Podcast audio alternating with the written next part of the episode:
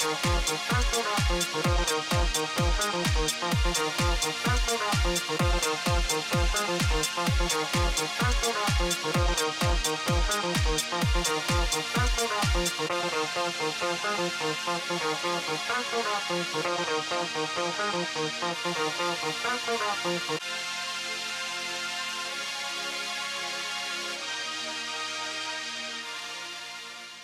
Ja, det var Danspodden Isadora ja. Hej igen och välkommen till avsnitt 11. Idag träffar du Kristoffer Bergström, kreatör i dansbranschen men också utbildad dansare vid Svenska Kungliga Balletten i Stockholm och koreograf för diverse artister, fester och galor och så undervisar han också i dans. Vi valde att spela in en kväll efter en dansklass i jazzfunk som Kristoffer höll. Och det passar ganska bra på flera sätt eftersom man som frilansare, vilket vi båda två är, får flexa i tid rätt så ofta. Dessutom så delar vi den här känslan av att någonting händer med samtalet på kvällen och kanske framför allt på natten. Nu gick inte vi så långt, men vi satt några timmar här på kvällen och ni får lyssna om ni märker någon skillnad. Det här avsnittet blev också poddens längsta och vi testar oss fram längdmässigt nu så ni får gärna återkomma till oss med feedback. Tidigare har vi delat upp avsnitten som med Anna Vnuk till exempel men nu valde vi den här vägen så ni får gärna se vad ni tycker om det och så. Men nu tycker jag att vi ska åka in i Kristofferland. Det är en resa som börjar i Sunne, via Stockholm och New York och Los Angeles och sen landar... Ja du, nu börjar det. Så här sitter jag med Kristoffer Bergström, eh, koreograf och dansare från Sunne. Du är född i Sunne i Värmland och du flyttade till Stockholm. Nu kommer jag ta en, en siffra här, tänkte jag säga, men ett årtal, 2004, för att gå på Kungliga Svenska Ballettskolan. Du har arbetat som dansare och koreograf sedan du gick ut där. Du kanske har jobbat lite grann som det innan också. Eh, du är sambo och har hundar, jag tror att det är tre stycken, en liten bebis som du fått ganska nyligen, eller har tagit ganska nyligen. Du har tränat handboll och tävlat i karate och du vann som nioåring SM i, nu ska vi säga, kata. Ja, och en parentes är bara ganska rolig för att den här vinsten på SM där i Katan, den var en VHS med barnprogrammet Tårtan. Det är så lustigt för att häromveckan när jag åkte tunnelbana med dig, eller jag och barnen hade varit och dansat för dig.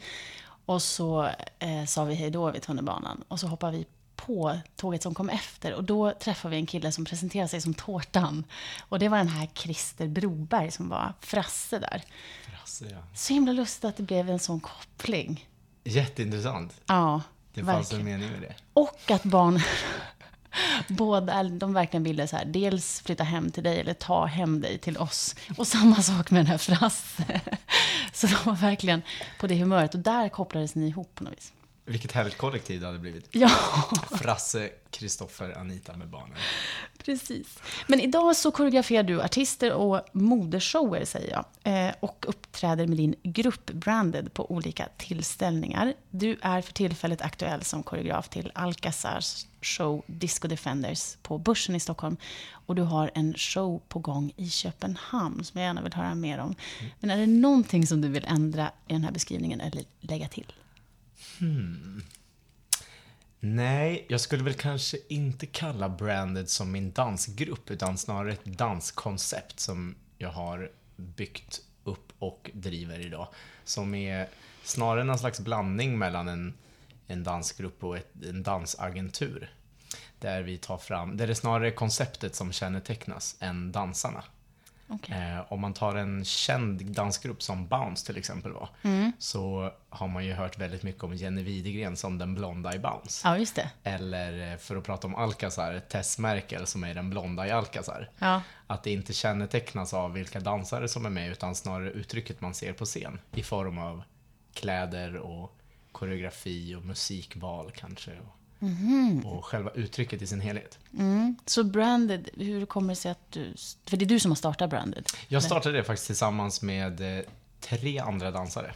Mm. Och eh, vi jobbade tillsammans i många år och gör det fortfarande, några utav oss. Men det blev lite många kockar och eh, svårt att driva fem personer, eller fyra personer, ett danskoncept. Så att det landade till slut på att eh, vissa bara ville liksom jobba som dansare, medan jag alltid har brunnit för hela entreprenörsbiten och att driva och leda Liksom. Så. Det har följt mig väldigt naturligt och jag tycker om ledarskap. Så, så jag tyckte det var kul att driva vidare det. Eh, Vi jobbar tillsammans som sagt. Men det, det grundades i att vi, vi saknade stilmässigt någonting som inte finns jättemycket av i Sverige.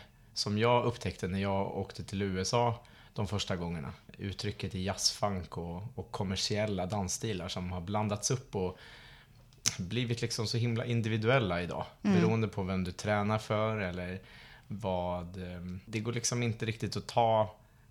Det, det kallas kanske för jazzfunk, en, en dansklass. Men om du tar jazzfunk för mig eller om du tar jazzfunk för Jenny Widegren eller om du tar jazzfunk för någon annan som undervisar det. Så kan det vara så himla influerat personligen. Eh, Så det, det, det är svårt att säga mer som det var klassiskt förut. Jazz, ballett, modernt, Ja. hiphop. Då, då vet man lite vad man får. Går man på jazzfunk eller commercial eller olika mix och hittar på namn som det är idag. Eh, och det är också väldigt individuellt från olika dansskolor. Så, så är det lite beroende på vilken lärare man går för. Och så får man leta sig fram på det sättet och nästan hitta en lärare som man gillar och dens stil. Som, eh, åh, skulle du rekommendera att man, att man testar sig fram? Absolut. Vill man dansa jazzfunk, beroende på om man är ute efter ett mer eh, jazzigt eller hiphopigt jazzfunk-uttryck. Och då är det oftast tekniken i grunden. Om, om läraren kommer att ha hiphop-bakgrund, men går ifrån hiphopen. Och, eller om, om det är en jazzdansare i grunden till exempel. Nu föds det så mycket dansare som inte är ifrån den klassiska skolan. Och, och självlärda och freestylare i grunden och utvecklar sin stil därifrån. Ja. Så det är väldigt få idag som kanske har en ren hiphop eller streetdance-grund och väljer att undervisa och utveckla vidare stilen eller om det är någon som har teknisk grund. Men du tror man väljer att, så här, nu ska jag dansa jazzfunk eller nu ska jag dansa för Kristoffer? Jag tror att det är svårt, om man inte är liksom jätteinsatt i dansvärlden, är det nog lite svårt att veta vilka personer eller, eller som är kända för olika saker eller, eller sådär. Utan jag tror nog snarare att man har sett på, på TV, kommersiella stilar. Jag vill dansa det som de dansar bakom artister. Jag tänkte säga MTV, men det finns ju typ inte längre. Ehm, och eh, för det var en otrolig inspiration för mig när jag började dansa. När jag kom in liksom i min yrkesskola och som blev inspirationen till vad jag ville jobba med sen. Ja. Var ju att jag hade ju sett på TV och ville dansa som dansarna bakom Jennifer Lopez eller Britney Spears. Eller, ehm, så på MTV. Stod och dansade framför TVn hemma och lärde mig danserna på det sättet.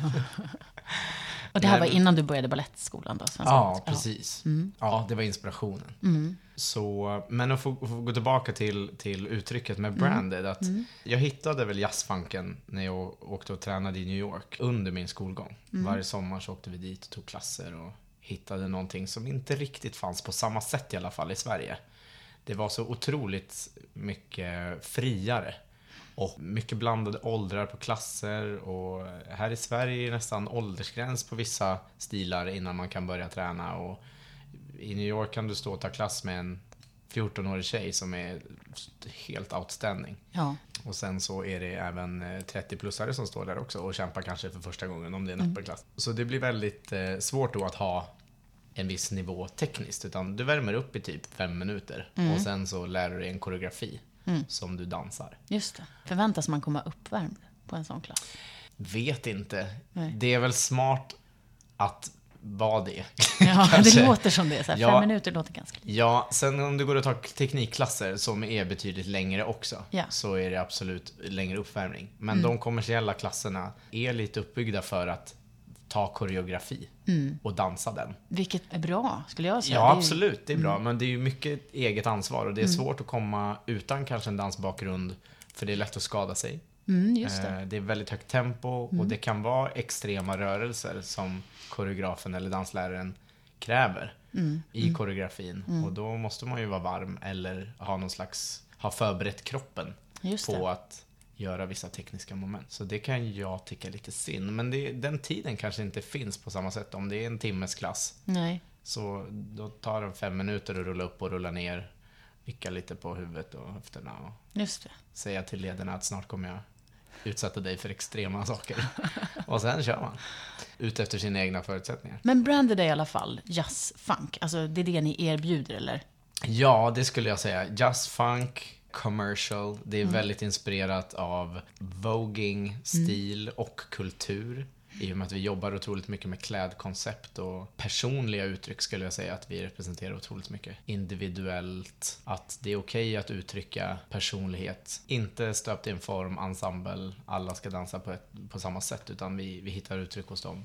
Men får man sticka ut sådär i en grupp? Jag tänker på om man ser så här kårdansarna på operan, om någon sticker Mm, ut. Det kan ju vara jättepositivt, alltså för att det är så här, shit vilken utstrålning hon har. Men det stör, för att jag ser bara henne hela tiden. Ja, och de, oftast de styckena som inte är nyskapta då, eller att det är ett stycke som har koreograferats nytt utefter kanske att framhäva olika individu- äh, individer.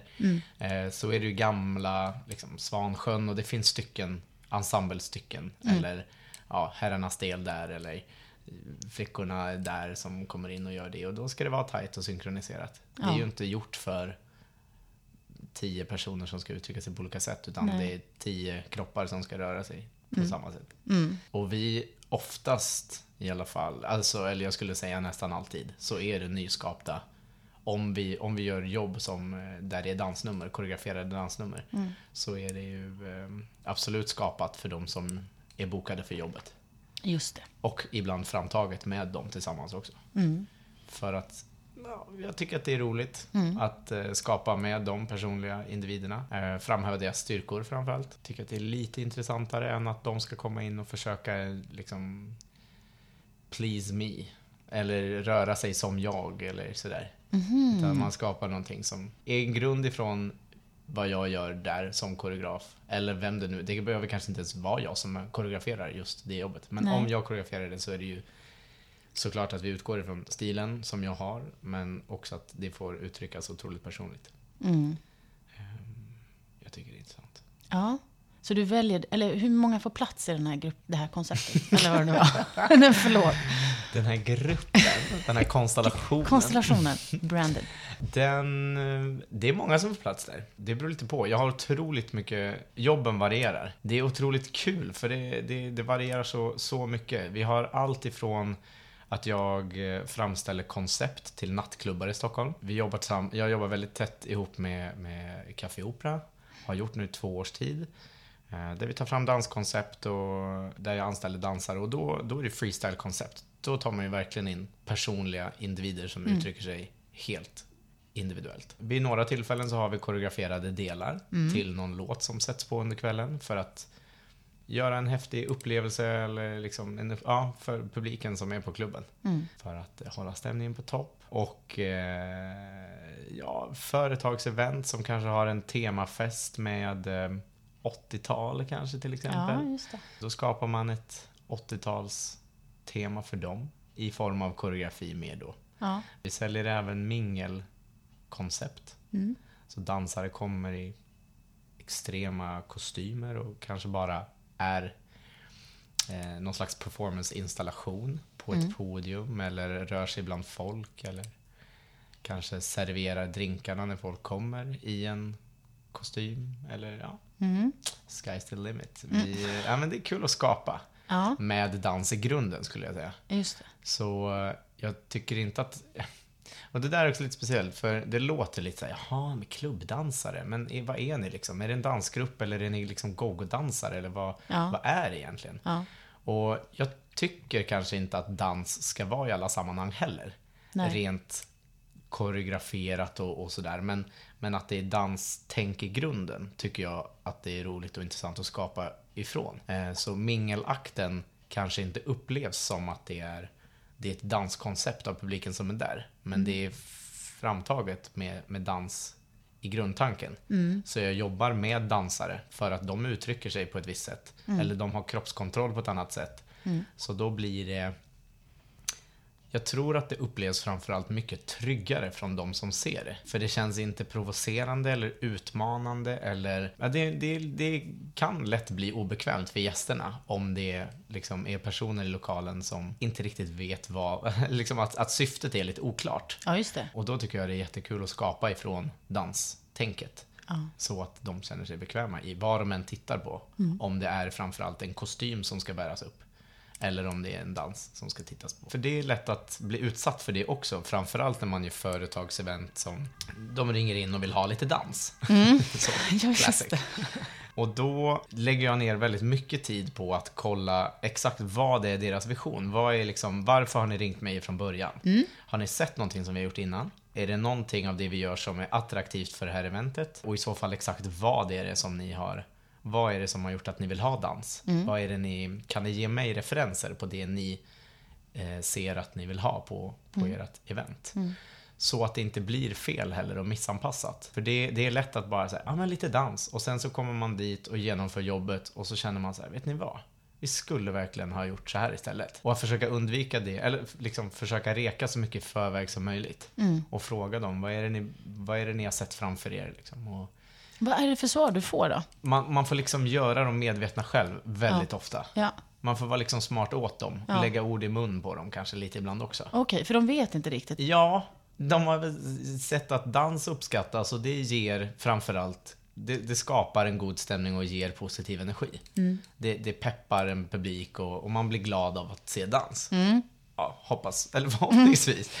Ja, ja, men precis. Och då undrar jag så här, okej, vad liksom exakt är det som, som eh, ni har sett? Där det har, har det varit jag försöker analysera om det har varit, eh, om det kommer hänga mycket på vad dansarna har på sig. Vad för stil de ska göra. Det kanske inte ens är mm, jazzfunk. Det kanske behöver vara någonting annat som passar just den publiken. Kanske behöver vara någon slags pardanshistoria istället. Kanske är läge att boka inte alls branded dance concept till de här. Just utan ta in en, eh, en eh, swinggrupp eller eh, en salsagrupp. Ja, men och, och liksom verkligen titta så här, är det verkligen branded ni ska ha då? Och ibland så, så höftas det ju också, det beror på vad det är för budget och om vi gillar att representera med ett otroligt starkt kostymkoncept så finns det inte alltid det finns utrymme för det budgetmässigt heller. Och då tycker jag att då är det bättre att kolla på andra alternativ än att liksom höfta på kvaliteten och skicka ifrån sig någonting som, är, som inte känns som konceptet. Nej, utan att låta konceptet vara konceptet och att bara så här, vara okej med att det kanske inte passar överallt. Ja, just det. Men är ni dyra, tänkte jag säga? Nej, gud, vi är så billiga. Eh, nej, alltså, är vi, vi, vi är inte dyra. Nej, men jag skulle tänker vad? Jag tänker Vad är Vad är det för fråga? Ja. Nej, men eh, jag tänker mer eftersom ni jobbar ganska mycket med ko- eh, kostym och Mm, liknande. Alltså det, det måste ju ändå, det tar ju tid. Det tar tid och det kostar pengar och det ska anlitas dansare och liknande. Ja, nej men oftast Skickar du en så är det- offert liksom så här? Ja, absolut. Ja. Mm. Det gör jag. Jag har offerter och, och olika pitchar liksom, Ja. på det här temat har vi och då är det extrema kostymer åt det här hållet. Eller så har vi det här som det är guld på och sen så Mm. Ja. har vi det här som är i silver och sen så är det det här som är i trasor. Och sen så, Men finns det så olika paket? Så här, men det här är budget, typ så här, det här kan vi göra med tre dansare och så där, där, där. Ja. Och sen så har vi ett mellanpaket och sen har vi, sen har vi det här lyxen. Och sen har vi den här som är oändlig. Bara Ja, så här, kör på. Ja, okej. Ja, så är Då det. Mm. Till en viss gräns. För det, det krävs lite för att vi ska kunna vara branded i, en, i, i ett sammanhang också. Mm. Så då om de bara vill ha dansare som kommer eh, och har tagit med sig kläder hemifrån i svart. Mm. För att det ska vara, eller att till exempel, ja men svarta kläder, om, eller om de är Kanske de vill ha eh, skjorta och kavaj på alla eller Mm, någonting som är mer, ja men som inte sticker ut så himla mycket. Kanske. Ja. Och är så, så eh, kreativt eller så, så eh, konstnärligt och, och kanske man absolut kan erbjuda det och anställa dansare för det men att man inte kallar det för att det är branded dance concept utan ja, det kommer dansare uppträda helt enkelt.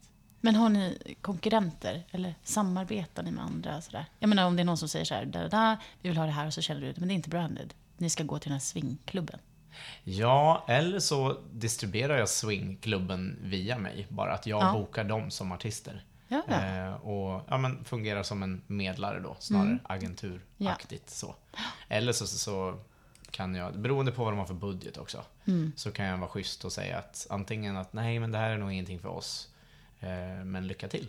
Mm. Eller så säger jag, vet ni vad, ni borde kontakta de här. Mm. Eller så säger jag, jo men jag har nog det här om det är några som jag har jobbat med tidigare till exempel och vet att ja, men, jag, jag vågar representera dem här också. Ja men och, och det är som sagt, det, de kan ju ha fått mitt nummer eller e-mail för att de har, vet att jag jobbar med dansare. Eller så har de fått mitt nummer för att de har varit på någon av klubbarna i Stockholm där vi har konceptkvällar och söker det till sitt företagsevent eller sitt mingel eller sin privatfest. Mm. Eller så har de sett mitt namn på affischen för Alcazar och Mm. vet att jag jobbar med artister och de behöver ha någon som är etablerad i branschen bara som de Just det. Professionellt bara vet har otroligt mycket erfarenhet. Mm. Eh, Så av den anledningen så, så bokar de. Så att det beror också lite på. Mm. Och återigen det här, fråga frågor.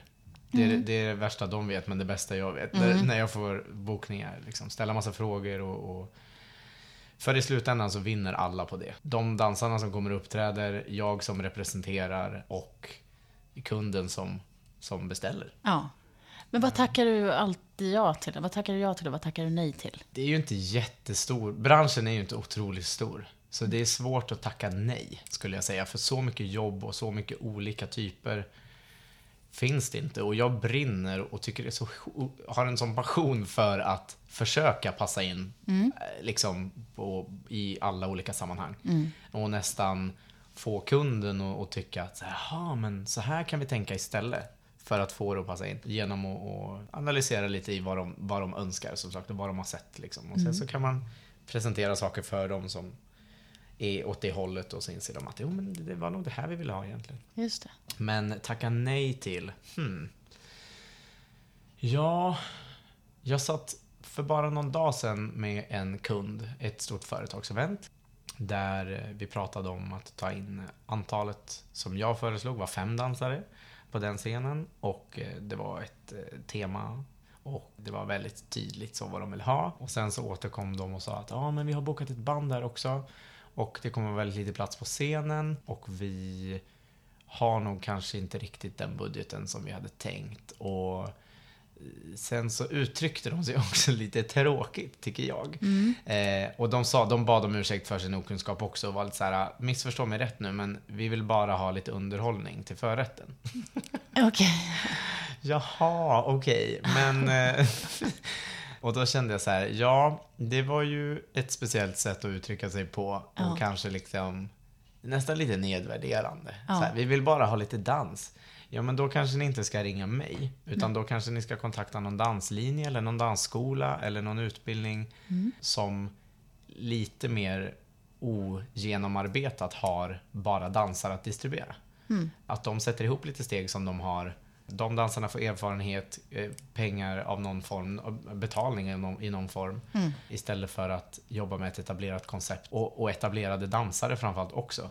Som kostar mer. Men är inte det ganska vanligt? Alltså jag vill inte säga att det är så just, men att det är lite så här nedvärderande. Att man säger, det är nästan lite så här pausfågel-variant på dans. Det är så här, men musiken satsar man kanske en del på ändå. Och så. Alltså Ja, med band visst. och liknande. Men sen så ska dansarna bara så här, de får byta om lite hipp som happ och sen så ska de bara så här swisha in och bara skapa Ja, ja. magi och sen ska Ja. de dra. Dans är tydligen trolleri. Ja. Verkar de flesta tro. Och ja, Nej men och därför tycker jag också återigen det här med att här, överinformera. För att folk är så o... eh, Det är sån okunskap. Och jag tycker om att utbilda och Ja. att medvetengöra. ja.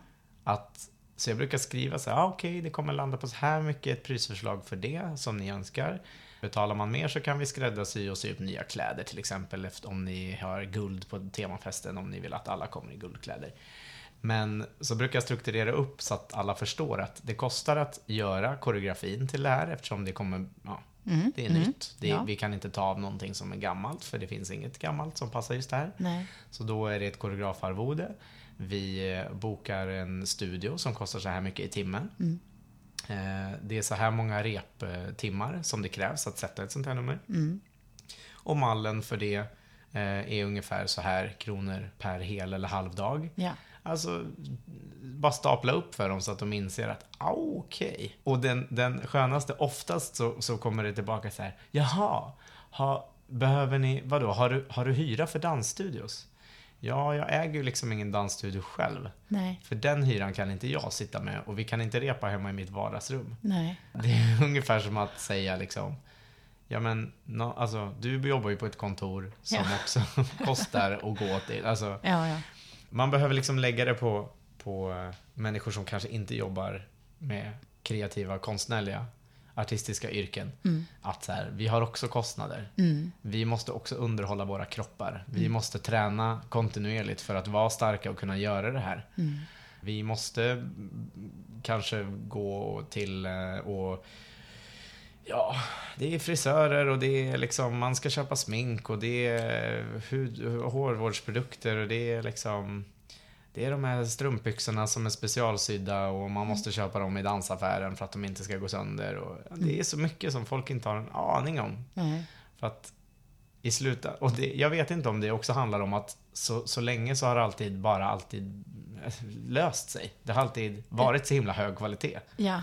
Kanske för lite för lite pengar Ja. väldigt länge. Ja. Och att nu idag så skulle jag nog uppleva att folk sätter ner foten lite mer och är så här, nej men vi, det är dags att ta betalt nu faktiskt. Ja. För det är, ja, men det är ett yrke på elitnivå. Det är samma sak som en, man skulle inte behandla en elitidrottare på det sättet alls. Nej. Men hur kommer det sig att det har kommit nu? Eller när upplever du att det har förändrats? Ja, jag skulle säga att stor ändring har skett under, under tiden som jag utbildade mig. Mm. Men nu senaste åren som jag har varit yrkesverksam så har jag också aktivt jobbat med grupper som ja, men har tagit vad säger man, tagit slag i frågan. Mm. Och jobbat för det, för att det är dags.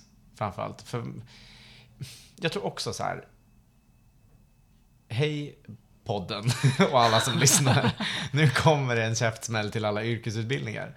Nej men vi, och jag säger det själv också från den utbildning jag kommer ifrån Ja. och alla som jag har varit utbildad på. Det finns så otroligt lite, det finns inte under utbildningen om vad man är värd som dansare, vad du ska ta betalt. Det finns liksom inga tariffer på samma sätt som jag åtminstone upplever att musiker och cirkusartister har. Mm. Standardarvoden som det inte, det är liksom, ja, punga de här minst 8000 säger vi då för ett exempel. Det, de kostar minst 8000. Annars så, så får ni ingen. Och det, det är så lätt att få dansare, tyvärr. Mm. För det finns på så olika nivåer. Du behöver inte ha gått en treårig yrkesutbildning på ett universitet i dans för att kanske kunna dansa lika bra som någon som precis har gått ut tre år och dansat hobby på kvällstid. Ja. Om den har otrolig talang. Mm. Eh, Så det har varit lite svårt också att ta betalt för det finns alltid någon som gör det lite billigare. Mm. Ehm, och därför har jag också brunnit så mycket för att jobba fram ett koncept som är oslagbart på det. För att det går inte att höfta på det vi gör. Nej. Det finns ingen som kan, som kan göra det vi gör på den nivån. Mm. I och med att det, ja, men det är så genomarbetade liksom, koncept, helheten. Mm. Och de tillgångarna har inte kanske jag som personligen, om jag blir kontaktad bara som dansare. Hej, kan du och dina kompisar komma och dansa lite? Mm. Ja, det är klart vi kan göra det. Och det är klart att det kommer bli billigare. Men då har vi liksom bara det, då har vi bara oss själva att komma med. Mm. Och ibland räcker ju det också. Mm. Men är ni mer organiserade nu, ni dansare, tänkte jag säga? För att jag tänker att cirkusartister, som du säger, eh, har väl bara för, vad är det, fem, tio år sedan så organiserade de ju sig och var så här, Mm, mm. det här är det som gäller. Och nu, ingen svart fot här som så här sticker ut och gör något, utan vi måste hålla ihop och säga att, ja, men som du sa, det här är det Ja. som gäller. Jag skulle säga att det har blivit bättre, men att det fortfarande inte, det har liksom inte riktigt lyckats. Nej. Jag tror också att det, till exempel cirkusvärlden är också otroligt mycket mer frilans än artistyrken. För jobbar du som dansare Mm. så finns det antingen frilans eller så jobbar du institution. I, alltså, eller, ja, i musikalproduktion som dansare Mm. Just eller det. att du är showartist på Wallmans salonger till exempel. Eller, Mm. Jag upplever kanske att cirkus och musiker mer kanske frilansar och har mer standardarvode. Jag vet inte om det Mm. ingår i deras... Eller jag vet i alla fall för cirkus, Mm. har jag hört i alla fall, att det är, de lär sig liksom att ja, men det här är vad du är värd, standard. Ja. Inte under det här. Nej. Jag kanske hittar på nu, oops. Ja. Men, eh, nej, men jag har bara fått det för mig. Det och, låter ju väldigt klokt i alla fall. Ja men själv, för jag älskar att blanda in cirkus i koncept som jag Ja. eh, gör för företag eller klubbar och sådär. Och de artisterna som jag pratar med är väldigt så här, ja men ja, då, jag kan inte komma om inte du får upp gaget liksom. Just det. Men du körde ju någon show också, Moulin Noir, här Ja, precis. våras. Den var ju lite, eller det var väl, det var ju kabaré, Ja, ska väl säga en, en eh, burlesk. burlesk, ja. Ja. Eh, cirkusvarieté. Gjorde du några sådana nummer då? Om jag gjorde cirkus? Jag- jag Nej, jag var ju på. dansare. va? Ja, du var ju dansare. Nej, men precis. Nej, men för det var väl ändå... Ja, det var Någon otroligt fantastiska cirkusartister med i den föreställningen. Ja. Som gjorde allt ifrån eh, luftakrobatik Mm. eh, i form av eh, pole och eh, Ja. ring, hoop, till illusioner, magitrick, eh, svärdslukning, Mm. fakir, eh, eldkonster. Ja, nej, men de, är, de var fantastiska. Väldigt speciella att jobba med. Alltså Sverige är väl, vi är otroligt duktiga på alltså, att distribuera musik, artister, Mm. dansare. Det är otroligt bra dansare i Sverige. Märker jag också när jag är ute och reser. Mm. Otroligt hög kvalitet i Sverige överlag. Det är ett bra land liksom. Och vi Ja. har bra förutsättningar här. Tycker jag absolut. Men- eh, ja. På många plan. Är vi inte lite lata då vad gäller så klassisk ballett till exempel? För jag tänkte det var för några år sedan så var det en eh, diskussion just på Kungliga Operan Mm. om att så här, men svenska dansarna håller inte måttet. De kan inte göra det här och det här och det här. Absolut. Vi måste plocka in internationella. Så, så är det ju. Och frågan är också om det handlar om att det inte liksom finns någon marknad för det. Vi utbildar, men också för att vi faktiskt har förutsättningen att jobba internationellt på ett annat sätt. Mm. Men ja, jag vet inte. Det, det kanske inte finns lika, även om det finns mycket, så kanske inte finns tillräckligt för att... Ja, det känns ju som att alla de dansarna som går ut varje år och är yrkesutbildade Mm. får ju inte jobb. Nej. Liksom, såklart. För det är för mycket eh, än vad det finns att ge jobb. Mm. I olika... Och kanske det lite också har drivit mig till att bli egen. Mm. Eh, starta eget produktionsbolag och, och faktiskt göra det jag tycker också saknas lite här hemma. Mm. För att skapa en marknad för det också. Att inte vara så... eh, Att göra något som redan finns och försöka slåss med det utan hitta någonting unikt. Och snarare då kanske få inse att det passar inte överallt. Mm. Men att det, det absolut finns en marknad och ett, en, en unik vinning i det eftersom det inte finns lika mycket. Men det, det finns utmaningar med det också såklart. För det är svårare att, att sälja in det. Mm. Eh, om det är nytt eller speciellt eller sådär. Eftersom det är otroligt influerat ifrån ett internationellt tänk, skulle jag väl säga. Eftersom jag har blivit inspirerad av det när jag har varit ute och rest. Men hur, hur mest intressanta och, och bästa dansarna varit som du träffat? Alltså vad har de? Har de någonting gemensamt? Ja, alltså det är lite klyschigt men antingen så har man det eller så har man det inte. Nej men det handlar så mycket, för mig så handlar artisteri så himla mycket om att hur man, hur publiken bemöter en och, och hur, hur man beter sig mot en publik. Att om man bara uttrycker rörelser eller om man faktiskt dansar.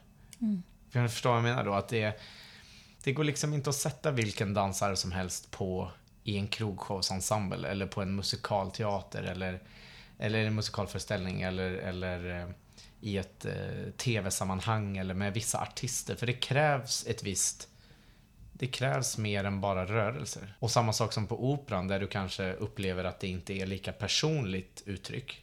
Och då ska man kunna det också. Då ska man kunna vara kanske bara en kropp som rör sig. Eller förstår du vad jag menar? Att det blir inte lika uttrycks... Alltså li, lika, lika individuella uttryck. Mm. För att då ska man lära sig att vara tight som en grupp istället för att sticka ut som individ. Just det. Och, eh, Man måste kunna både så sola och köra kör. Alltså, ja, och jag gillar ju folk som kan sola. Ja. ja.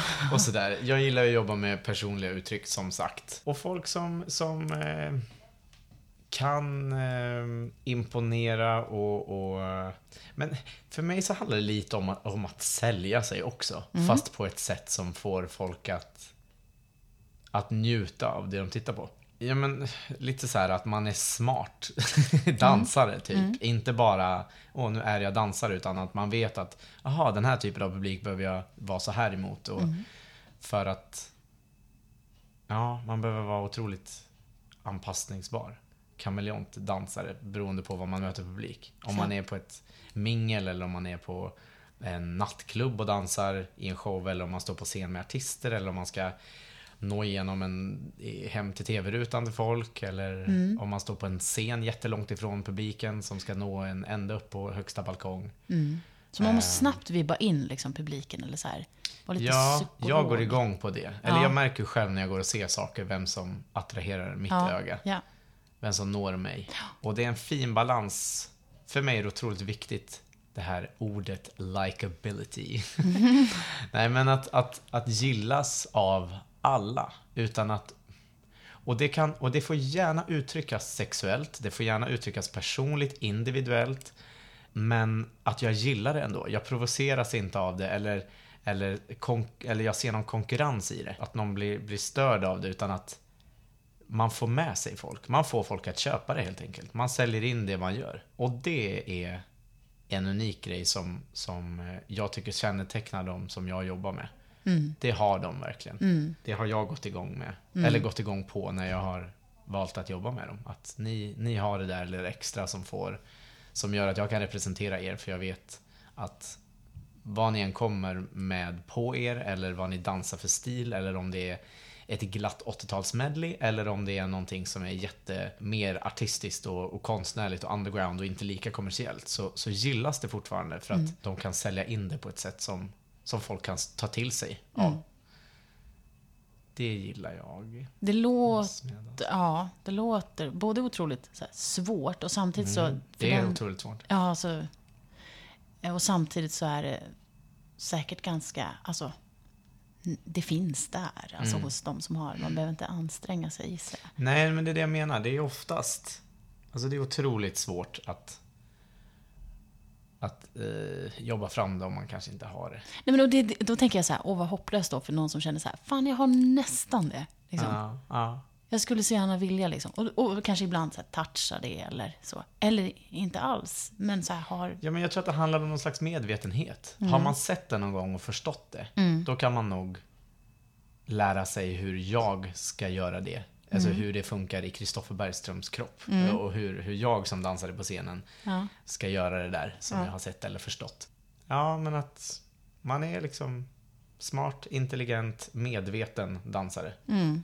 Det, det attraherar mig otroligt mycket. Ja. Att man förstår sin publik. Man förstår vad man gör och, och ens syfte. Och, vad, och framförallt vad syftet är ikväll, just ikväll. Är det att, eh, ja beroende på vad det är för uttryck och vad vi vad pitchen är till kunden mm. eller väl liksom för den här publiken, vad det nu än kan vara. Att man är införstådd med det. Ja, jag tänker att en publik som möter något sånt känner sig också sedd och bekräftad och smart i sig. Alltså ja, så här, absolut. ja, men jag förstår. Eller, ja. även om det kanske inte handlar om att man måste förstå precis allting Nej. i det hela. Men att man njuter av det man tittar på. Man ja. kanske inte förstår det heller. Nej. Men att man, man blir positivt... Känslan är bra. Ja, men känslan är bra, exakt. Mm. Det, det njut, man njuter av att titta på det. Man blir inte obekväm. Liksom. Nej. Och sen spelar det ingen roll om så här, jag förstod inte riktigt vad det där var, men nice var det. Ja. Ja, då har vi lyckats. vi måste prata lite grann om Alcazar-showen. Gärna, ja. Berätta lite grann om det. Disco Defenders. Ja, det är mm, en eh, supershow. en krogshow som Alcazar står som artist för. Eh, och som eh, jag tillsammans i ett kreativt team då har, har eh, skapat den här föreställningen, mm. Disco Defenders. Vilka fler är i det kreativa teamet? Eh, det är Edvard af som ja. är regissör. Mm. Eh, det är jag som är koreograf. Det är Fredrik Benke Rydman som är scenograf. Mm. Vi har Margareta Julle på kostym. Mm. Det är Conny Bäckström på hår och smink. Och vi har eh, Robin Svensson som är kapellmästare. Mm. Nu har vi en ny kapellmästare, mm. Andy, som jobbar nu i Stockholm. Ja. Eh, Just det, för ni hade ju premiär i Göteborg. Ja, men precis. Ja. Urpremiären var liksom i Göteborg. Mm. På Rondo och gick en säsong. Och sen så nu är vi i Stockholm och hade premiär Oh, vänta här, vad är det för dag idag? 4 oktober idag, så det var i början av 24 va? Ja, 24. Ja, det är ju väldigt, det är ju alldeles nyligt. Ja, ja nej, men det är torsdag för två veckor sedan va? Just det, mm. precis. Då hade vi premiär på Hamburg Börs. Och den kommer att spelas där till eh, slutet av december. Mm. Och sen så hoppas vi att eh, det blir turné av det här. Men det är en så här storslagen show, får jag för mig. Alltså att det är så här mycket glitter och glam och det är fullt ös. Ja, det bjuds. Ja. det bjuds på. Ja. Eh, man kommer hem och har glitter på de mest konstiga ställena. Nej men den är otroligt bjudig. Dels artisterna jobbar otroligt hårt. Mm. Och den ambitionen har alltid funnits med när vi har skapat föreställningen. Eh, att det ska, det ska ges. Mm. Man kommer dit och man dansar därifrån. Det är... otroligt härlig energi rakt igenom hela föreställningen. Jag själv njuter som publik av att gå dit och titta på föreställningen fortfarande idag. Ja, det bjuds på mycket. Man, man upplever, det är olika visuella förändringar, det är otroligt mycket kostym. Och, eh, olika hår och smink och ljusförändringar och lite scenförändringar. Och det, vi använder rummet lite och vi involverar, bandet är liksom en del av, av eh, scenografin och Alltså, Ja, ja, det, det, det liksom är inte Alcazar och bandet bakom och dansarna är däremellan utan alla är som en stor Alca family Ja, just som, det. som krigar för diskon tillsammans. Eh, och jag tror att det känns också som publik, att man blir berörd av att shit vad det svänger, bandet är med. Ja. Och artisterna och dansarna får ta plats. Ja. Är bandet också koreograferade eller? Är de Nej men ja, jo, till viss del. Ja. ja. Sen så är de fantastiska och jag har låtit dem också ha lite fria tyglar. Just för att vi vill ha det uttrycket. Så eh, vi har fantastiska blåsare som är eh, på trumpet och, och eh, saxofon. Som är, nej, de är så häftiga och de, de gör sin grej. ja. Och så får man komma och kolla på börsen och förstå vad det är. Ja. Nej, men de, de kör sina moves som passar för dem. Och alla är involverade ibland. Så. Ja, Eh, okej. Men det är mycket personliga uttryck Ja. också. Som vi pratar om nu hela tiden, personliga uttryck. ja. Och det har lyfts och stärkts i den här showen. Och det, det har varit eh, en, av de roligaste grejerna när jag får jobba med den här föreställningen. Mm. Att eh, du får vara precis den du är och vi vill eh, hylla och eh, Det tänkte jag på, för att de hade ju en öppen audition för dansarna, vet jag. Ja, precis. Är inte det ganska ovanligt? Alltså att artister har det, tänker jag. Är man inte mer effektiv än så? Bara så här, vi väljer ut de dansarna vi vill ha, för vi vet att de finns där och där. Ja, återigen så är det ju tyvärr inte så stor marknad i Sverige så att det är väldigt lätt att anställa dem som man har jobbat med. Alltså, Det finns liksom en liten gräddklick av, av människor som, som roterar ganska mycket. Ibland samma artister och vilket jag kan tycka är lite tråkigt också. Det är liksom, man går på tre olika artistturnéer och sen så kanske Ja, det är alltid någon som återkommer. Och, det, och så är det bland musiker också. Att så här, ah men det är de här, ja ah, just det, men den har jag jobbat med i den här produktionen innan eller sådär. Just det. Och jag kände att, jag kände jättestarkt för framförallt på grund av det syftet med föreställningen som det var. Att hitta liksom fyra stycken individuella dansare som är starka tillsammans. Att, att vi behöver en öppen audition. Det finns så många dansare där ute som vi inte har en aning om. Och de vill jag ge en chans att, att visa upp sig. Och eh, jag fick kriga lite för det också. Ja, ja. Men jag gjorde gärna det, för jag Ja. tyckte att det var värdefullt. Och jag är otroligt tacksam över att vi gjorde det eh, idag. För vi har hittat stjärnor och vi har sett också otroligt många stjärnor som man kan ge feedback och som kanske får en väg in i branschen på något annat sätt. Just det. Genom att ha fått visat upp sig. Ja. Ehm, För det är väldigt nyttigt att gå på audition också som dansare. Absolut, verkligen. Man växer otroligt mycket av det. Men också utbildningsmässigt idag i dansvärlden så, så ser det så annorlunda ut än... Ja, det började väl också när jag gick och utbildade mig i och för sig. För parallellt med min yrkesskola så gick jag en kvällsutbildning, kan man säga. Som också var yrkesförberedande. Vad var det för en utbildning? Ja, det var Jenny Widegren, den där blonda i Bans Ja, just det. som, eh, som eh, körde, startade en danslinje. ja. Så jag Är det Sway? Nej. Ja, precis. Ja, ute på en dansskola som heter Sway ute i Täby. Ja. Så då eh, stod jag i trikåer på dagarna eh, på Kungliga Svenska Balettskolan och sen var det extra large mjukisbyxor på kvällarna. Där vi tränade då hiphop och jazz. Men var du involverad i Bounce då eller? Nej, nej inte, inte liksom så som grupp. Bounce Nej. Mm. har alltid varit Bounce. Sen var jag med och gjorde deras sista föreställning i Globen. Ja, The det. Last Bounce. Ja, Mm. ja. Men eh, jag har liksom inte varit med och dansat i dansgruppen Bounce Mm. som en av medlemmarna. Utan, eh, Men jag har tränats av dem och Formats av dem? Formats av dem, absolut. Eller av Jenny kanske? Jenny är min dansmamma. Liksom. Ja.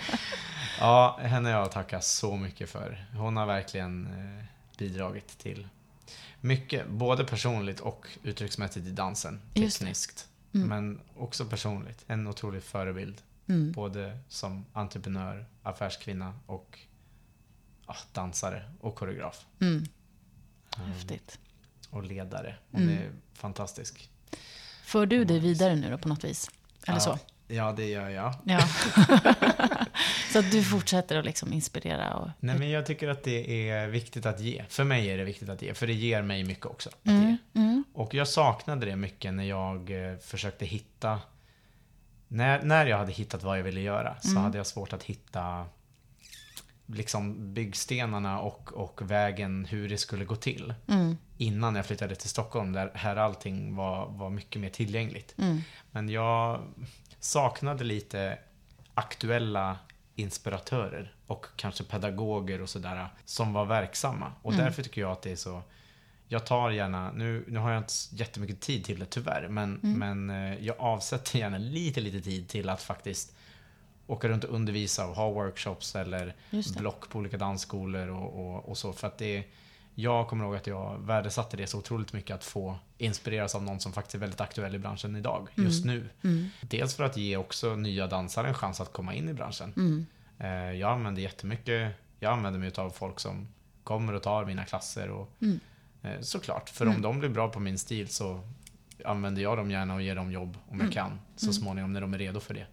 Istället för att välja någon som har gått ut en yrkesutbildning till exempel. Just det. Som är Eh, anonym för dig. Ja, nej men exakt. Mm. För att även om du har en teknisk grund, en treårig yrk- yrkesutbildning i, i grunden så kanske du inte har det som krävs för att jobba med ändå. Mm, Men, men för att återgå till det att det ser liksom lite annorlunda ut idag. Det det, är inte, det är inte självklart att gå en treårig yrkesutbildning för att komma in i branschen idag. Det nej. finns otroligt mycket dansutbildningar ute på, på alla dansskolor. Mm, Som, som många av de grundmedlemmarna i Bounce idag jobbar vidare med. just det. Och eh, det, det är bra. Men, Mm. men de, det är såklart att de också kan, kan bistå med en väg in i branschen personligen då. Som, som vad säger man, rektor för dan- danslinjen. Men om du har gått Balettakademin så är det lättare att få kontakt med du får lite mer verktyg att ta dig in i branschen. Mm. Du får tillgång till de här institutionsauditions på samma sätt. Mm. Eller på, på ett helt annat sätt än vad du får annars. Och det kanske är vanligare att om du har gått en, en dansutbildning på en skola på kvällstid så kanske det är vanligare att du hamnar bakom artister eller jobbar i tv-sammanhang och så är det lite mer institutionsinriktat om du har gått en, en, ett universitet eller en, en yrkesutbildning som Mm. till exempel Balettakademin eller Kungliga Svenska Balettskolan eller Mm. olika yrkesutbildningar som finns. Dans, danshögskolan, dans, dans och cirkushögskolan. Nej men och just eh, så här med öppen audition att, att det är så svårt att nå alla idag. Mm, Eftersom just det. alla kommer inte ifrån ett, en skola eller två eller tre. Nej. Utan det är liksom Men är det många självlärda som kommer? Alltså som har så här, kollat på YouTube eller bara så här, har det? Ja, ja, inte kanske jätte- jättemånga som bara är det, men som kanske har hittat vad det är de vill göra via det och Mm. sen hittat vart de kan träna och utveckla det. Absolut. Mm. Och som kanske inte hade varit lika bra som de är om de hade gått och tränat ballett, jazz och modernt varje dag. Mm. Sex, sju dagar i veckan eh, i tre år. Då kanske de inte alls hade utvecklat den, den dansaren som de vill vara. Men det låter nästan på dig som att du inte kommer att undervisa så länge till. Alltså att det är så här, nej men nu, än jo, men det så kommer gör jag jag nog göra. Ja. Ja, nej men det kan jag. Alltså, jag undervisar lite, jag undervisade mer förut. Och kanske lite för mycket. Eller jag, jag kände i alla fall att jag vill kunna ge, det får inte bli ett, ett lärarjobb för mig. Nej. Jag vill kunna komma och inspirera och dansa tillsammans också med de som tar min klass. Mm. Jag vill känna någon slags organisk eh, en-kropp i studion när vi dansar tillsammans. Ja. Inte bara att jag går dit och undervisar eller är en pedagog eller Nej. lärare. Så. Utan jag vill uttrycka mig med. För det handlar så mycket om min stil också. Att, Mm. att, eh, jag pratar mycket om känsla och att, att, att göra musiken synbar i, i, i form av rörelser. Mm. Och det är inte lätt att prata, liksom, eller att göra, det, göra sig förstådd i, i, i, av att säga det, eller undervisa det i, i Nej. det finns inga termer som kan förklara det. Utan det kanske man måste visa på, bäst, på, på ett bättre sätt. Så så länge jag orkar dansa själv så kommer jag nog undervisa i någon form, mer eller mindre. Ja. Det ger mig otroligt mycket. För mig har det varit så bra att jag gick en, en klassisk utbildning. Mm. Jag gick moderna linjen på Kungliga Svenska Balettskolan. Mm. Och dansade väldigt mycket teknik. Mm. Tek, alltså, jo men stilar och, och tekniker ifrån olika eh, danslegender. I jazz och ballett och modernt och sådär. Eh, olika tekniker som, som eh, har byggt min kropp stark och medveten. Och det har gjort det lättare för mig att kanske fokusera på känslan i rörelsen. För att tekniken sitter där. Eller Ja, just det. jag, jag kan se formen. Och sen, det beror också på vilken lärare man tar klass för, men ibland så ligger jag i någon slags mellanvärld också, där det ska vara skitigt och inte tekniskt. Mm. För då, når du inte, då kommer du liksom inte åt det där som jag gillar. Mm. Utan att man fokuserar på att, vara, att stå utåtvridet rätt eller att ha en, ha en rak linje i, i ryggen eller att armen ska peka åt ett visst håll. Mm. Att för mig, oftast i alla fall, så betyder det mer om syftet med armen som flög ut än att den var i en rätt linje. Sen, sen går det ju inte riktigt att jobba så när man ska göra ett uppträdande och, Mm. vara, och representera som grupp. Även om du har individuella människor, för alla är ju alltid individuella. Mm. Men för att upplevelsen ska, upplevelsen ska vara optimal och för att publiken ska få eh, starkast, eh, bli starkt berörda utav det så Mm. krävs det ju att man gör samma sak Ja, just det. och, och är korrekt. Ja. Sådär. Ja. Men det finns absolut utrymme till att vara friare än att bara vara i, i former. Men då är det alltså bra att ha en, en grund i tekniken, så att man inte behöver tänka så mycket på den. Den kommer, den finns där. Ja, det är bra att ha den och jag skulle säga att om du vill bli, vill ha det lättare att uttrycka dig så kanske det är smart att ta andra typer av klasser också. Och det finns ju, man brukar, jag har alltid fått höra och man brukar alltid säga att balletten är liksom, det är grunden till Ja. allt.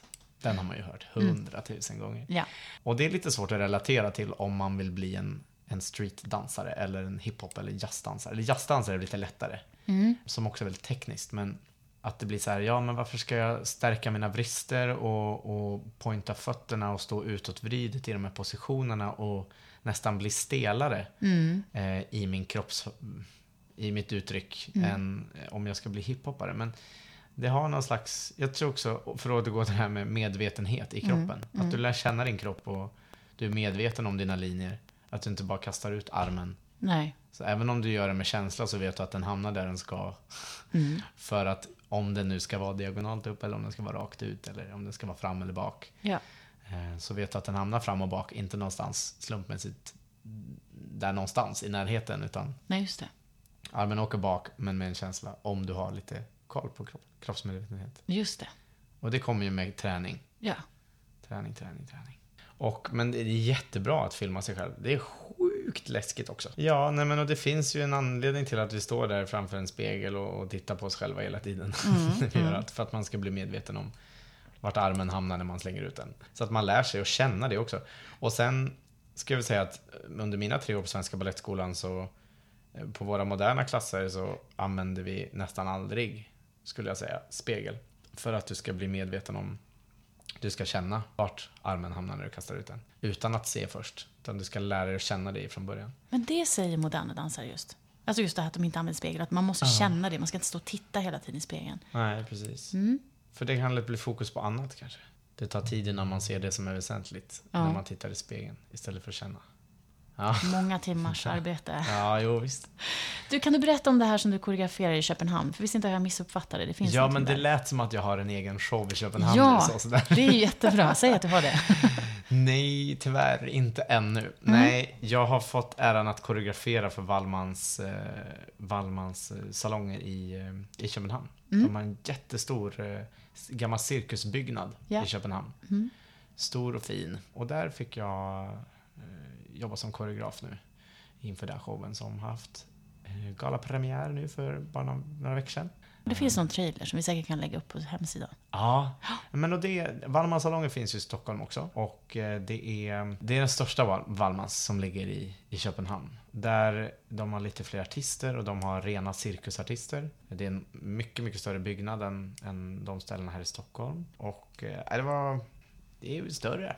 Ja, helt enkelt. det är det. Ja, det är liksom större rekvisita, det är större scenografi, det är eh, större scen, det är, ja, och det är större, fler sittplatser och Mm. lokalen är större. Och det, var, det var väldigt, väldigt ärofyllt och roligt att, att eh, jobba med dem. Det är en helt annan struktur eh, att komma dit eftersom det är så stor karusell som snurrar. Det är många koreografer som kommer in och, och koreograferar ett nummer och bara fokuserar också på ens nummer, inte hela föreställningen. Till skillnad mot till exempel Alcazars krogshow nu, som vi har, där jag har varit in, involverad i varenda detalj och skapat den tillsammans med kreativa teamet. Här kommer jag bara ska sätta, eller bara, men eh, jobbet blir att sätta rörelser till någonting som är otroligt för, förbestämt innan. Det ska sättas eh, viss fokus på beställd scenografi och den här sångaren ska stå där borta och det är redan bestämt. Och så så det, var, det var otroligt lärorikt att jobba på det sättet också. Ifrån att komma ifrån en väldigt fri,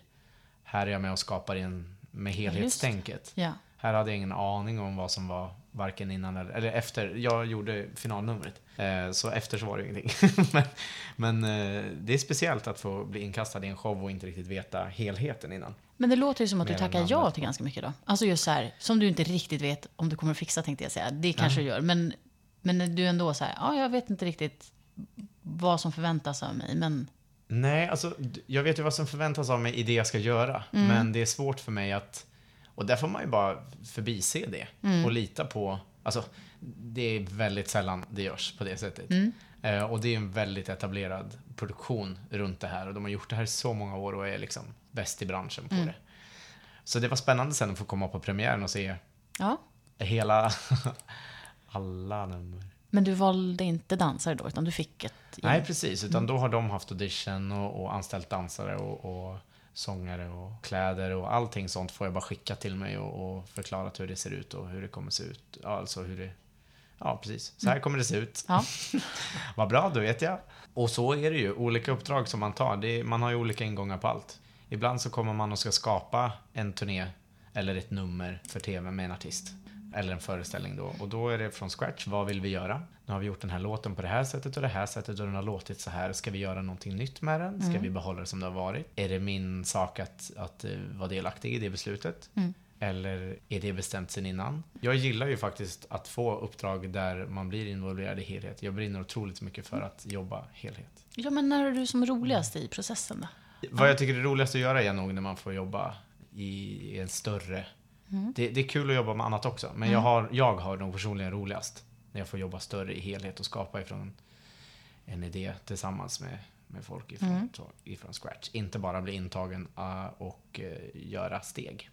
Och roligast i en process tycker jag nog är faktiskt att gå ifrån idé till verklighet. Att, att skapa den här, den här moodboarden som man har gjort innan. Med liksom eh, idéer som kan vara färger, det kan vara eh, platser eller kostym eller Ja. människor eller former eller vad som helst. Och Ja. sen så hur vägen därifrån till verklighet och slutresultatet däremellan tycker jag är otroligt intressant. Och ångestfyllt. Ja, det brukar hänga ihop. Ja, precis. Det, Alltså, är, ju det det. är- det är ju liksom... Det är ju det. Det är ju det. Mm. Med det här jobbet. Eh, Den här härliga ångesten som, som infinner sig däremellan. Men alltså om du kortfattat skulle beskriva din skapande process så är det så att det börjar, alltså om man nu ser en sån helhetsdel, så är det så här från idé till, från ax till limpa. Ja, Hur, hur går det till? det- ja. Hur ser det ut? Nej, men det handlar väl om att, att gå igång på en idé. Mm. Ett, eh, vad vill vi göra med det här? Vilket uttryck? Vad, vill vi, vad, vad ska folk känna när de tittar på det? Eller vad vill vi göra? Ska det här vara... Ja, men vad, vad, exakt. Vad, Mm. vad vill vi... Vad inspireras vi av till det här? Eh, och så hittar man det. Och sen så hittar man då hur, hur det här ska gå till. Mm. till exempel vilka dansare skulle kunna göra det här. Eller vilken kostymör skulle vara rätt för att ta det här uppdraget för att uppfylla det vi ser framför oss i kostymerna. Hur sätter man bäst ljus på det här? Hur använder man scenografi? Eller vilka typ av eh, musiker ska spela det här? Alltså, Mm, olika så. Byggsten, alltså verktygen till att framställa idén. Och sen skapa. Skapa med det. Ehm, och så blir det förhoppningsvis som man tänkte sig från början. Eller Blir- så blir det inte alltid det. Nej, jag tänker, blir det det? Nej, inte alls alltid. Nej. Oftast då till det bättre kanske. För att det har utvecklats efter vägen och det, det är ju som en bebis som växer. Så. Men hur är det? Är det så ångestfyllt att släppa det där och sen gå vidare på nästa projekt? Liksom? Mm. Eller är du Nja, färdig med det när du liksom... Alltså det beror på vad det är för process. Och har man haft längre tid, alltså det, ju- det känns ju alltid som att man skulle vilja ha en vecka till. Ja. Om det är, även om det är ett, ett företagsgig där dansarna ska komma in i tre minuter och dansa järnet. Eller om det är en, en show som man skapar i flera månader. Så känner man ändå premiärveckan att så här, Åh, gud vad härligt det hade varit att haft en vecka till så vi hade fått götta ner oss och bli lite tryggare i det här. Eller utvecklat det här lite, lite, lite till. Men du jobbar ju mot en deadline hela tiden så att du får ju prestera så bra du kan utefter de förutsättningar man har också. Och försöka, ja ibland, ibland får man ju tumma på vissa saker. Jag tror det hade blivit bättre med den där veckan. Ja. och ibland så blir det bättre av att man lämnar det där det är också, så får det, får det landa. Och det där är ju bara en själv, som, ja. som skapare som ser. Publiken har ju ingen aning om vad det skulle Nej, kunna ha blivit eller, eller vad ambitionen var, liksom att det skulle nå. Och, och där får man väl någonstans dels känna så här, ja men kommer de att tycka att det här är bra? Mm. Ja, jo men det kommer de nog faktiskt. Mm. Kommer det bli någon skillnad av att vi har tre sömnlösa nätter till? Mm. Nej, det kanske inte blir så märkbar skillnad egentligen, mer mm. än för vårat ego skull egentligen. Mm. och att man är ju bara människor. Alltså, vi är alla bara människor i, i slutändan. Så att, eh, men det är klart att man vill, eh, man vill ju vara... Det är svårt att vara nöjd när ja. man jobbar i, i, i, skapande processer. För är vad, vad, är det? Ja. När är man nöjd? Och Nej, jag tänkte just, men är du perfektionist? Det känns som att det är många som, som är det i den branschen kanske. Just att man... Ja, jag tror att det är många som, är, alltså, man är ju noggrann i sitt yrke och, och eh, perfektionist ska jag nog inte säga att det är. Gud, Nej. tvärtom snarare. Jag är, mm. gillar ju Vad skönt att höra. Ja, men alltså jag tycker att det är intressantare att jobba med uttryck och att det kanske är lite nästan lite slarvigt ibland. Vilket kan vara mm. till en, inte en fördel om man ska jobba på tight tillsammans på en scen. Jag kan vara lite, så här, ah, lite snäll när jag tar notes. Det är viktigare att hitta rätta känslan än, än att alla är supertajta och mekaniska liksom, på mm. scenen i, i rörelsen. Men eh, jag är så perfektionist skulle jag nog inte kalla det, men det är ju, det är ju som det är ju kanske som det är en definitionsfråga mm. att vara perfektionist, mm. tycker jag. Mm. För perfektionist i det jag anser är perfekt är ju kanske inte en synkroniserad rörelse utan det kanske handlar mer om en, ett individuellt uttryck eh, hos fyra olika dansare. Att ni får stråla på ert sätt men att ni riktar ändå samma energi ut mot publiken i huvudsaken. Men ja. sen att, att känslan förmedlas mer än att eh, men, men en kombo är ju ofta starkast. Men mm. svårt att säga. Mm, mm. Är jag perfektionist? Ja, på mitt lilla vis är jag väl det Men hur definierar du dig själv annars då? Slarvig perfektionist. Vad är en perfekt podcast? Det är, är väl... det liksom när du får svar på dina frågor exakt? Eller är det när, det, när man glider in på något helt annat och det utvecklas? Eller man pratar om någonting som kanske och, inte alls handlade om det. Nej men precis. men du menar för mig eller för den som lyssnar? Ja, nej, men det är ja, För ja, mig är det ju när jag, när jag, känner så här, att jag får ut någonting, att vi får ut någonting av det. Att, alltså att man egentligen struntar i vem det är som lyssnar. Att mm. det här är det som är viktigt just nu. Mm. Som lyssnare utav en podcast så vill jag ju känna, jag vill inte vara exkluderad såklart, jag vill inte, utan jag vill känna att jag är ganska inkluderad i det här. Mm. Och jag vill också känna att det betyder någonting. Ja. Och det behöver bara betyda någonting för mig. Alltså det kan vara jätte... Det, det är ju de där detaljerna, det är ju precis på samma sätt som du beskriver dans. Mm. Vad man känner, vad får jag för känsla när jag lyssnar på det här, när jag ser på det här, eller när jag tar del av det här, när jag blir en del av det, eller väljer att gå in i det här. För man är ju jättesnabb på att välja bort också. Det tar ju bara några sekunder så känner man att det här är ingenting för mig. Eller jag, jag har redan så här dissat det här som jag ser ja. eller hör. Mm. Och man vet inte alltid vad det är heller. Det kan vara, det är någonting som bara fängslar en på något vis. Ja, absolut. Så blir man triggad. Nej, men det är, det är speciellt det där. Vad, vad definierar, ja vad är en bra vad är en bra podcast? Vad är en bra dansare? Vad är en bra koreograf? ja. En, hur definierar jag mig? Och vill man ha bra? Jag vet inte. Man kanske vill ha något som man bara reagerar på. Men jag tror också att man har en vinning i att, att hitta, framförallt som kreatör, att hitta vad man gillar själv. Att inte bara skapa för att tillfredsställa. Nej. Utan att man faktiskt är väldigt medveten om vad kommer jag med, vad gillar jag och vad vad, vad attraherar mig personligen. Mm. Så att man kan bistå med det i jobbet också. Och det är därför som jag gillar att vara med och skapa helhet också. Och valde att övergå ifrån att vara yrkesutbildad dansare till att faktiskt jobba nästan mer idag som koreograf.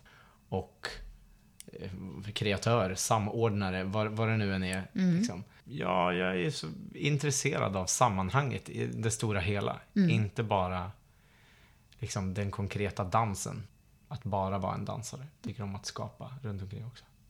Men Vem vill du nå med din dans? Det kanske är svårt eftersom du har så många olika liksom, gig eller, eller sammanhang som du befinner dig i. Men Ja, men jag vill nå alla tror jag. ja, Alltså, det finns ingen, ingen perfekt målgrupp för min dans. nej. Och det som är så fantastiskt idag är att det gör det på något vis också.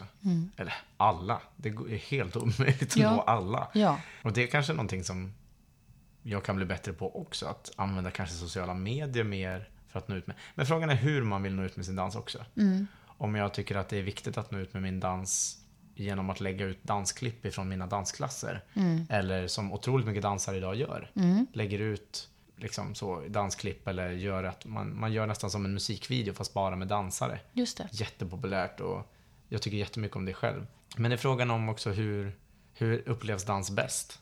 Eller är det bara så här, skitsamma, bara det finns tillgängligt. Att det inte kanske behöver vara på en livescen för att vara bra. Men då får man också lära sig hur skapar man och når ut på samma sätt genom en video. På samma sätt som en liveupplevelse. Då kanske man måste tänka på ett annorlunda sätt. För att upplevelsen ska bli lika kraftig eller värdefull liksom. Ja. Men går du och ser på dans? Alldeles för sällan skulle jag säga. Ja. Tyvärr alltså. Det är otroligt gott att det finns tillgängligt på internet och sådär. Så att man kan eh, sitta och inspireras av det när man själv har tid. När jag själv har tid. Man har ju så många kollegor som är verksamma överallt i olika produktioner. Så jag försöker ju verkligen gå och se det mesta som är aktuellt och pågår. Och jag brukar, alltså jag försöker prioritera när jag är ute och reser också.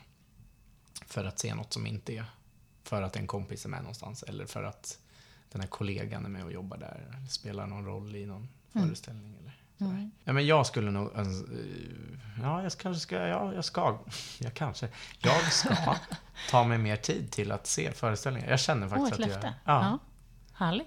Ja, men jag är så trött på att höra folk som bara, ja men jag kanske borde, så kanske. Ja, men, antingen så vill du eller så vill du inte. Och jag vill faktiskt ha mer tid till att se saker. Ja.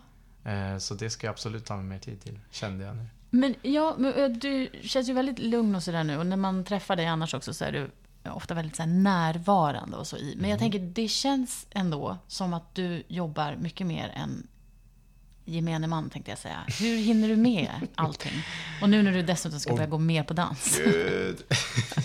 Hur gör du? Sover du lite eller har du någon så här... Jag skulle nog säga att jag... eh, Ja, jag sover ganska lite. Ja, du gör det? Jaha. Ja, det gör jag. Okej, det var så. Så är det faktiskt. Och mycket är ju också... Jag jobbar ju nästan... Jag är ju sån nattuggla liksom. Som, som... Du vet när, när folk går och lägger sig och stan vilar på något vis. Då vaknar jag. Och ostört får Ja, flumma runt. just det. Men det händer någonting på natten. Ja, absolut. fast det det, gör ju magiskt. det verkligen. Och jag tror att det beror på så himla mycket som vi inte är medvetna om också. Mm. Saker och ting stängt, stängs av framförallt. Ja. Så att man inte blir... Saker som inte tar fokus. Även om man inte ser det eller känner det nödvändigtvis så finns det alltid runt omkring oss och påverkar oss. Mm. Och när det stängs av på... Då kan jag liksom flumma runt. Skicka ut mina kanaler i universum ostört. Liksom. Mm. Utan all, all, alla energier och strålningar runt omkring. Men så du, be- du behöver alltså inte så mycket sömn? Det är en förklaring. Nej men jag vet inte, det behöver jag ju säkert. Men eh, det har ju blivit någon slags prioritetsfråga liksom att, ja. Sen är jag ju ganska duktig på att inte boka jobb så, så, så tidigt på morgonen. Mhm, mm, just det. För det är jag inte så bra på. Vilket man inte alltid kan bestämma själv. Men jag försöker att inte jobba förmiddagar. Mm. Och det är ju en fördel då att jobba som koreograf och frilansa och ha eget företag. Att man kan bestämma lite mer själv Ja, åtminstone. Om sin tid. Mm. Och eh, så. så. Det är ju en fördel med att vara egen företagare. Då kan man ju ta en liten så här vila Ja. mitt på dagen. Precis. Jag som börjar push 40 liksom. Vi kan göra. Lite vila. Ja, nej men det är bra att unna sig lite. Men vad är du eh, aktuell med nu? Jag vet ju att du är på väg i natt ska du resa till Ja. USA. Los Angeles och... Ja, det jag ska till några delar i USA. Jag ska via London till eh, Salt Lake City Ja. och fara runt lite där. Och sedan så åker jag till Los Angeles Mm. innan jag åker hem.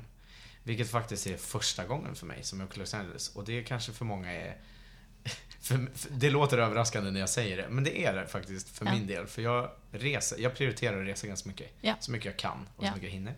Men jag har liksom fått sån otrolig kärlek till New York och varit där flera gånger. Mm. Så det har varit svårt för mig att ens testa någonting annat. Mm. Så, så, och Los Angeles och New York är ju väldigt självklara val för en så verksam dansare som jag är. Ja. Det finns mycket inspiration att hämta där och Mm.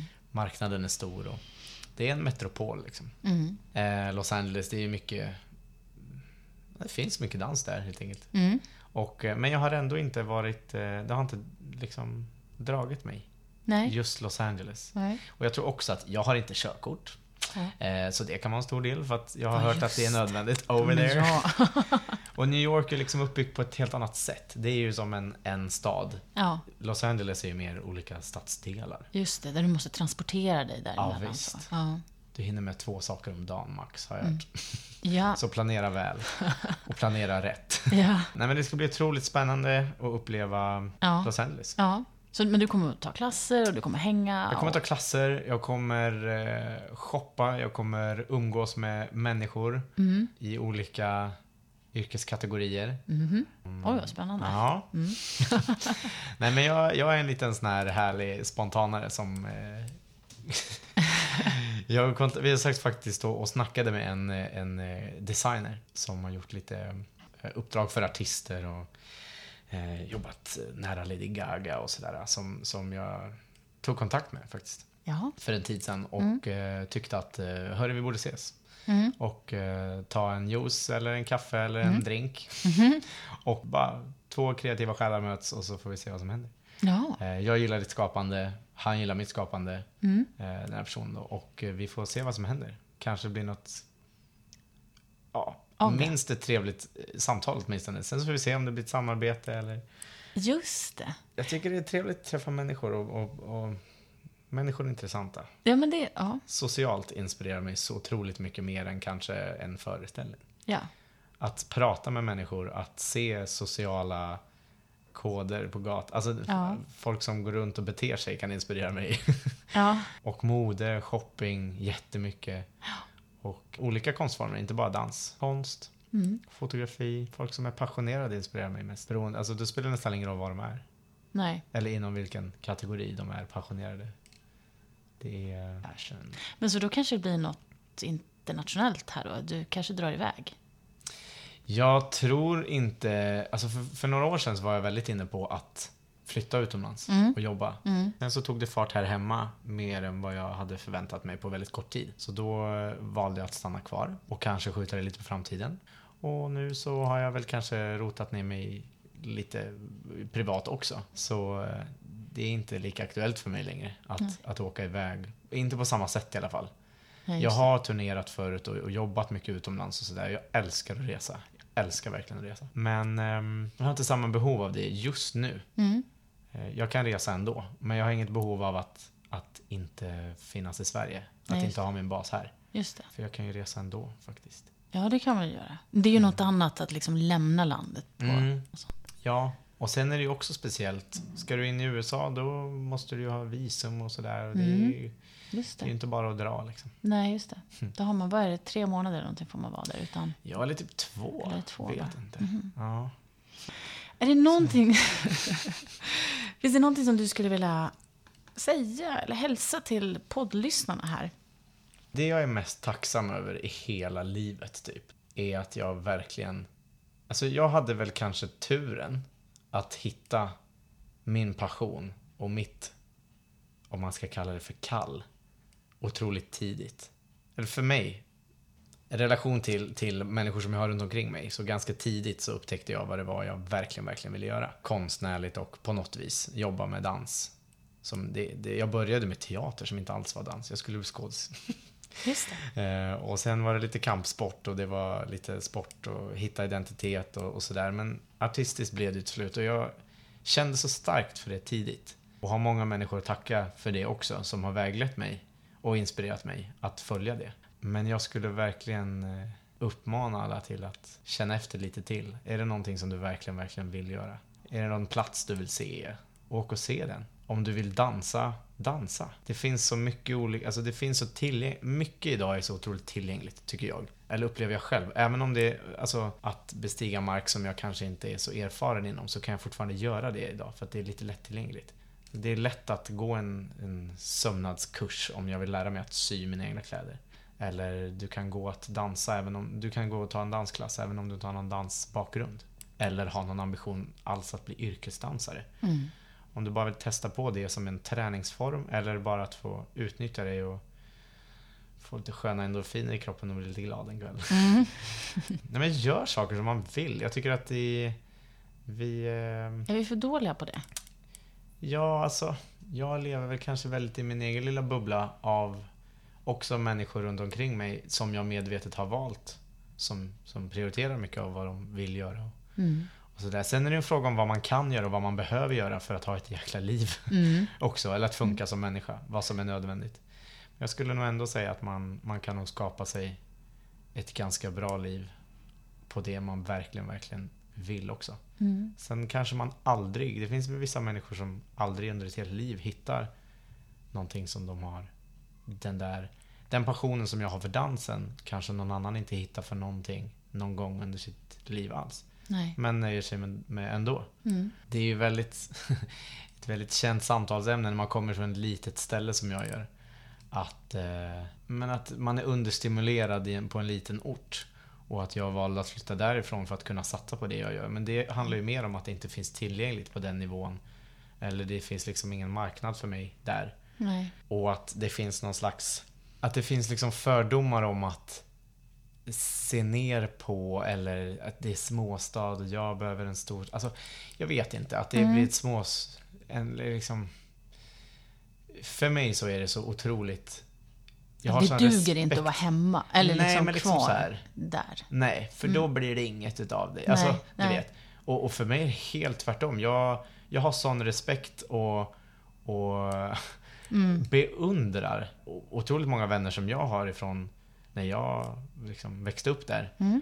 Att Ja, det är samma för mig. ja, men deras Mm. högsta dröm och, och, och det som har varit deras mål i livet är liksom Villa Volvo Woffe. Mm. Ja. Och för mig är det helt fantastiskt att känna sig nöjd där. Ja. Eller nöjd, ja. Ja, eller så gör de det och det är fa- fantastiskt. Men Mm. att de känner sig trygga i det. Man har hittat en balans i livet som man mår bra i. Mm. Och om det involverar ett partnerskap, eh, ett tryggt boende, Mm. ett stort hus kanske och djur kanske eller ja, och ett, och ett välbetalt jobb Mm. som betalar hyran. Det kanske räcker. Mm. Och sen så är jag ju knäpp i huvudet som bara är en sån otrolig inspirationsjunkie som Mm. inte nöjer mig Nej. med det. Det är klart att delar av mig älskar det också. Jag Mm. behöver också en trygghet och en bas att stå i. Annars skulle inte jag funka heller. Mm. Men jag har sån hunger för andra saker som kanske folk som bor kvar hemma i, i, i Sunne då Mm. inte har. Men att vi har så mycket gemensamt, alltså för vi är ju människor allihopa ändå. Och eh, har så mycket att, att, att, att ge varandra ändå. Liksom Mm. så. Mm. Även om vi kanske inte har samma intressen för allt eller Nej. har samma behov i Behoven, livet. ja precis. Ja, men verkligen. Jag kan också känna igen just det där. Jag har också lämnat en liten by uppe i Kiruna. Liksom, och eh, när, jag, när det har varit så här återvändarträffar, det- de blir mer och mer sällan för min del, men så har det, kanske mer för 10-15 år sedan, så var det lite så här föraktfullt från deras sida. Så här, "Ha, du tror att du är någon nu eller? För att Mm. du bor där. Det upplever jag inte på samma sätt längre. För att nu har jag också, tror jag, en annan approach Ja. till, till dem. Jag kanske var lite mer så. Hallå, Absolut. jag bor inte här, jag har lämnat det här nu. Ja. Lite så.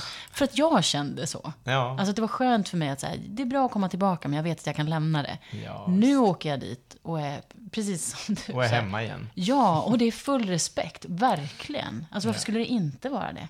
Det är ju Nej, bara... jag har också varit det där, åh, jävla 08 det har blivit, eller åh vad divig du är, eller... Och det är liksom, ja, människan är anpassningsbar och man blir ju någon slags där man hamnar och sen...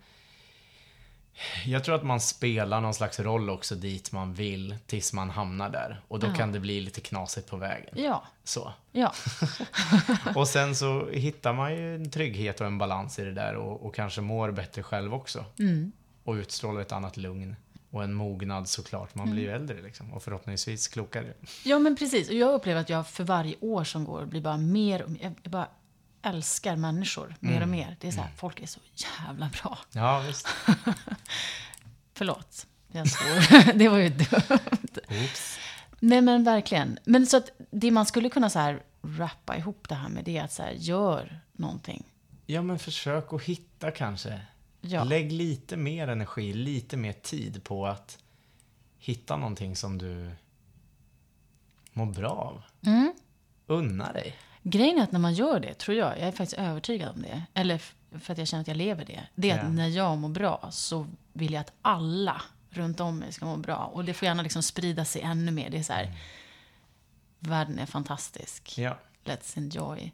Men och det jag läste någon artikel i, tror jag, det Welt, der Welt, eh, om att de värsta ångestskriken från så här ålderdomshemmen ja. kommer från de här, du vet, som aldrig gjorde det där. Sakerna jag ångrar att jag aldrig gjorde. Exakt, så det är bara så här, då kanske man inte ska hetsa ändå, folk att bara börja göra en massa... Nej, men det, det finns också någon slags hets i det idag tycker jag. Det är därför Ja. jag är lite försiktig med Ja. hur man ska säga det här. För det finns någon slags, åh, jaget och, och du måste alltid sätta dig själv i första hand. Och det är så här, Mm. det kan på ett fel sätt föda en värld av egoister istället. Ja, För jag är också så här otroligt förespråkar individualismen själv. Alltså om inte du mår bra så kommer inte, så, så blir det svårt liksom.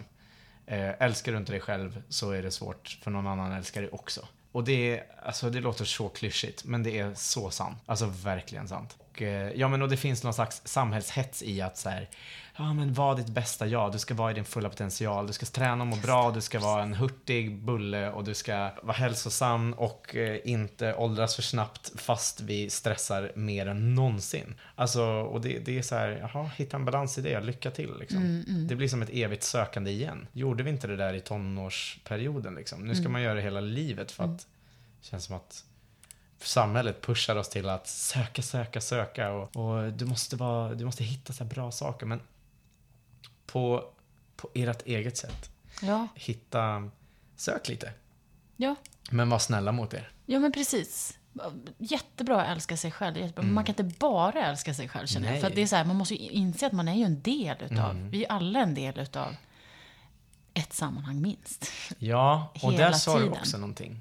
Att man inte bara kan älska. Alltså, jag tror att det är viktigt att älska saker. Och hitta saker som man älskar. Jag tror att man mår bra av det. Och ta fokus ifrån sig själv och framförallt få uppleva olika känslor av att älska olika saker. Det är ett privilegium också. Mm. Det inser man när man är i det. Nu blir jag flummig. Men... Tack så jättemycket för att du kom hit, Kristoffer. Tack Anita, det var jätte, jättetrevligt att sitta här och prata. Verkligen. Vi ses. Det gör vi. Och det var det, klart och betalt. Hoppas det gav dig det där du var ute efter, eller om inte det, och kanske hellre det här, någonting nytt att fundera på eller ta tag i, eller att det var inspirerande på något vis. Jag hade som vanligt ett slags uppvaknande och jag älskar det verkligen. Men nu är det dags att runda av. Och vi som gör podden heter Niklas Reimertz och jag Anita Emthén. Vi finns som vanligt på Facebook, Twitter och Insta där vi heter Isadora-podden med ett D på Instagram alltså. Snart har vi en YouTube-kanal också och jag lovar att länka till den så snart den är uppe och fylld med någonting. Du kan alltid mejla oss också såklart. Sen kan du prenumerera på oss på iTunes och lyssna där eller på Acast eller direkt i Soundcloud. Och där kan du lyssna på alla avsnitt som har kommit ut och ladda ner dem också för att lyssna när du har tid. Det var allt för den här gången och vi har inte så många avsnitt kvar innan 2015 blir 2016, vilket är så coolt. Hej hej! Hallå, jag glömde en sak. Ett så här, vänta, det här måste jag berätta. Den 26 november så kommer Isadora-podden att eh, DJa på Cosmopolit bar i Stockholm. Så kolla på vår Facebook-sida och Instagram och liknande, Twitter, för att hålla dig ajour med när vi spelar och eh, kanske låtlistor och sånt där också. Ni får gärna komma med tips och förslag på vad vi ska spela. Vi kommer att ha det väldigt soft and tender, heter vår klubb. Men eh, håll utkik.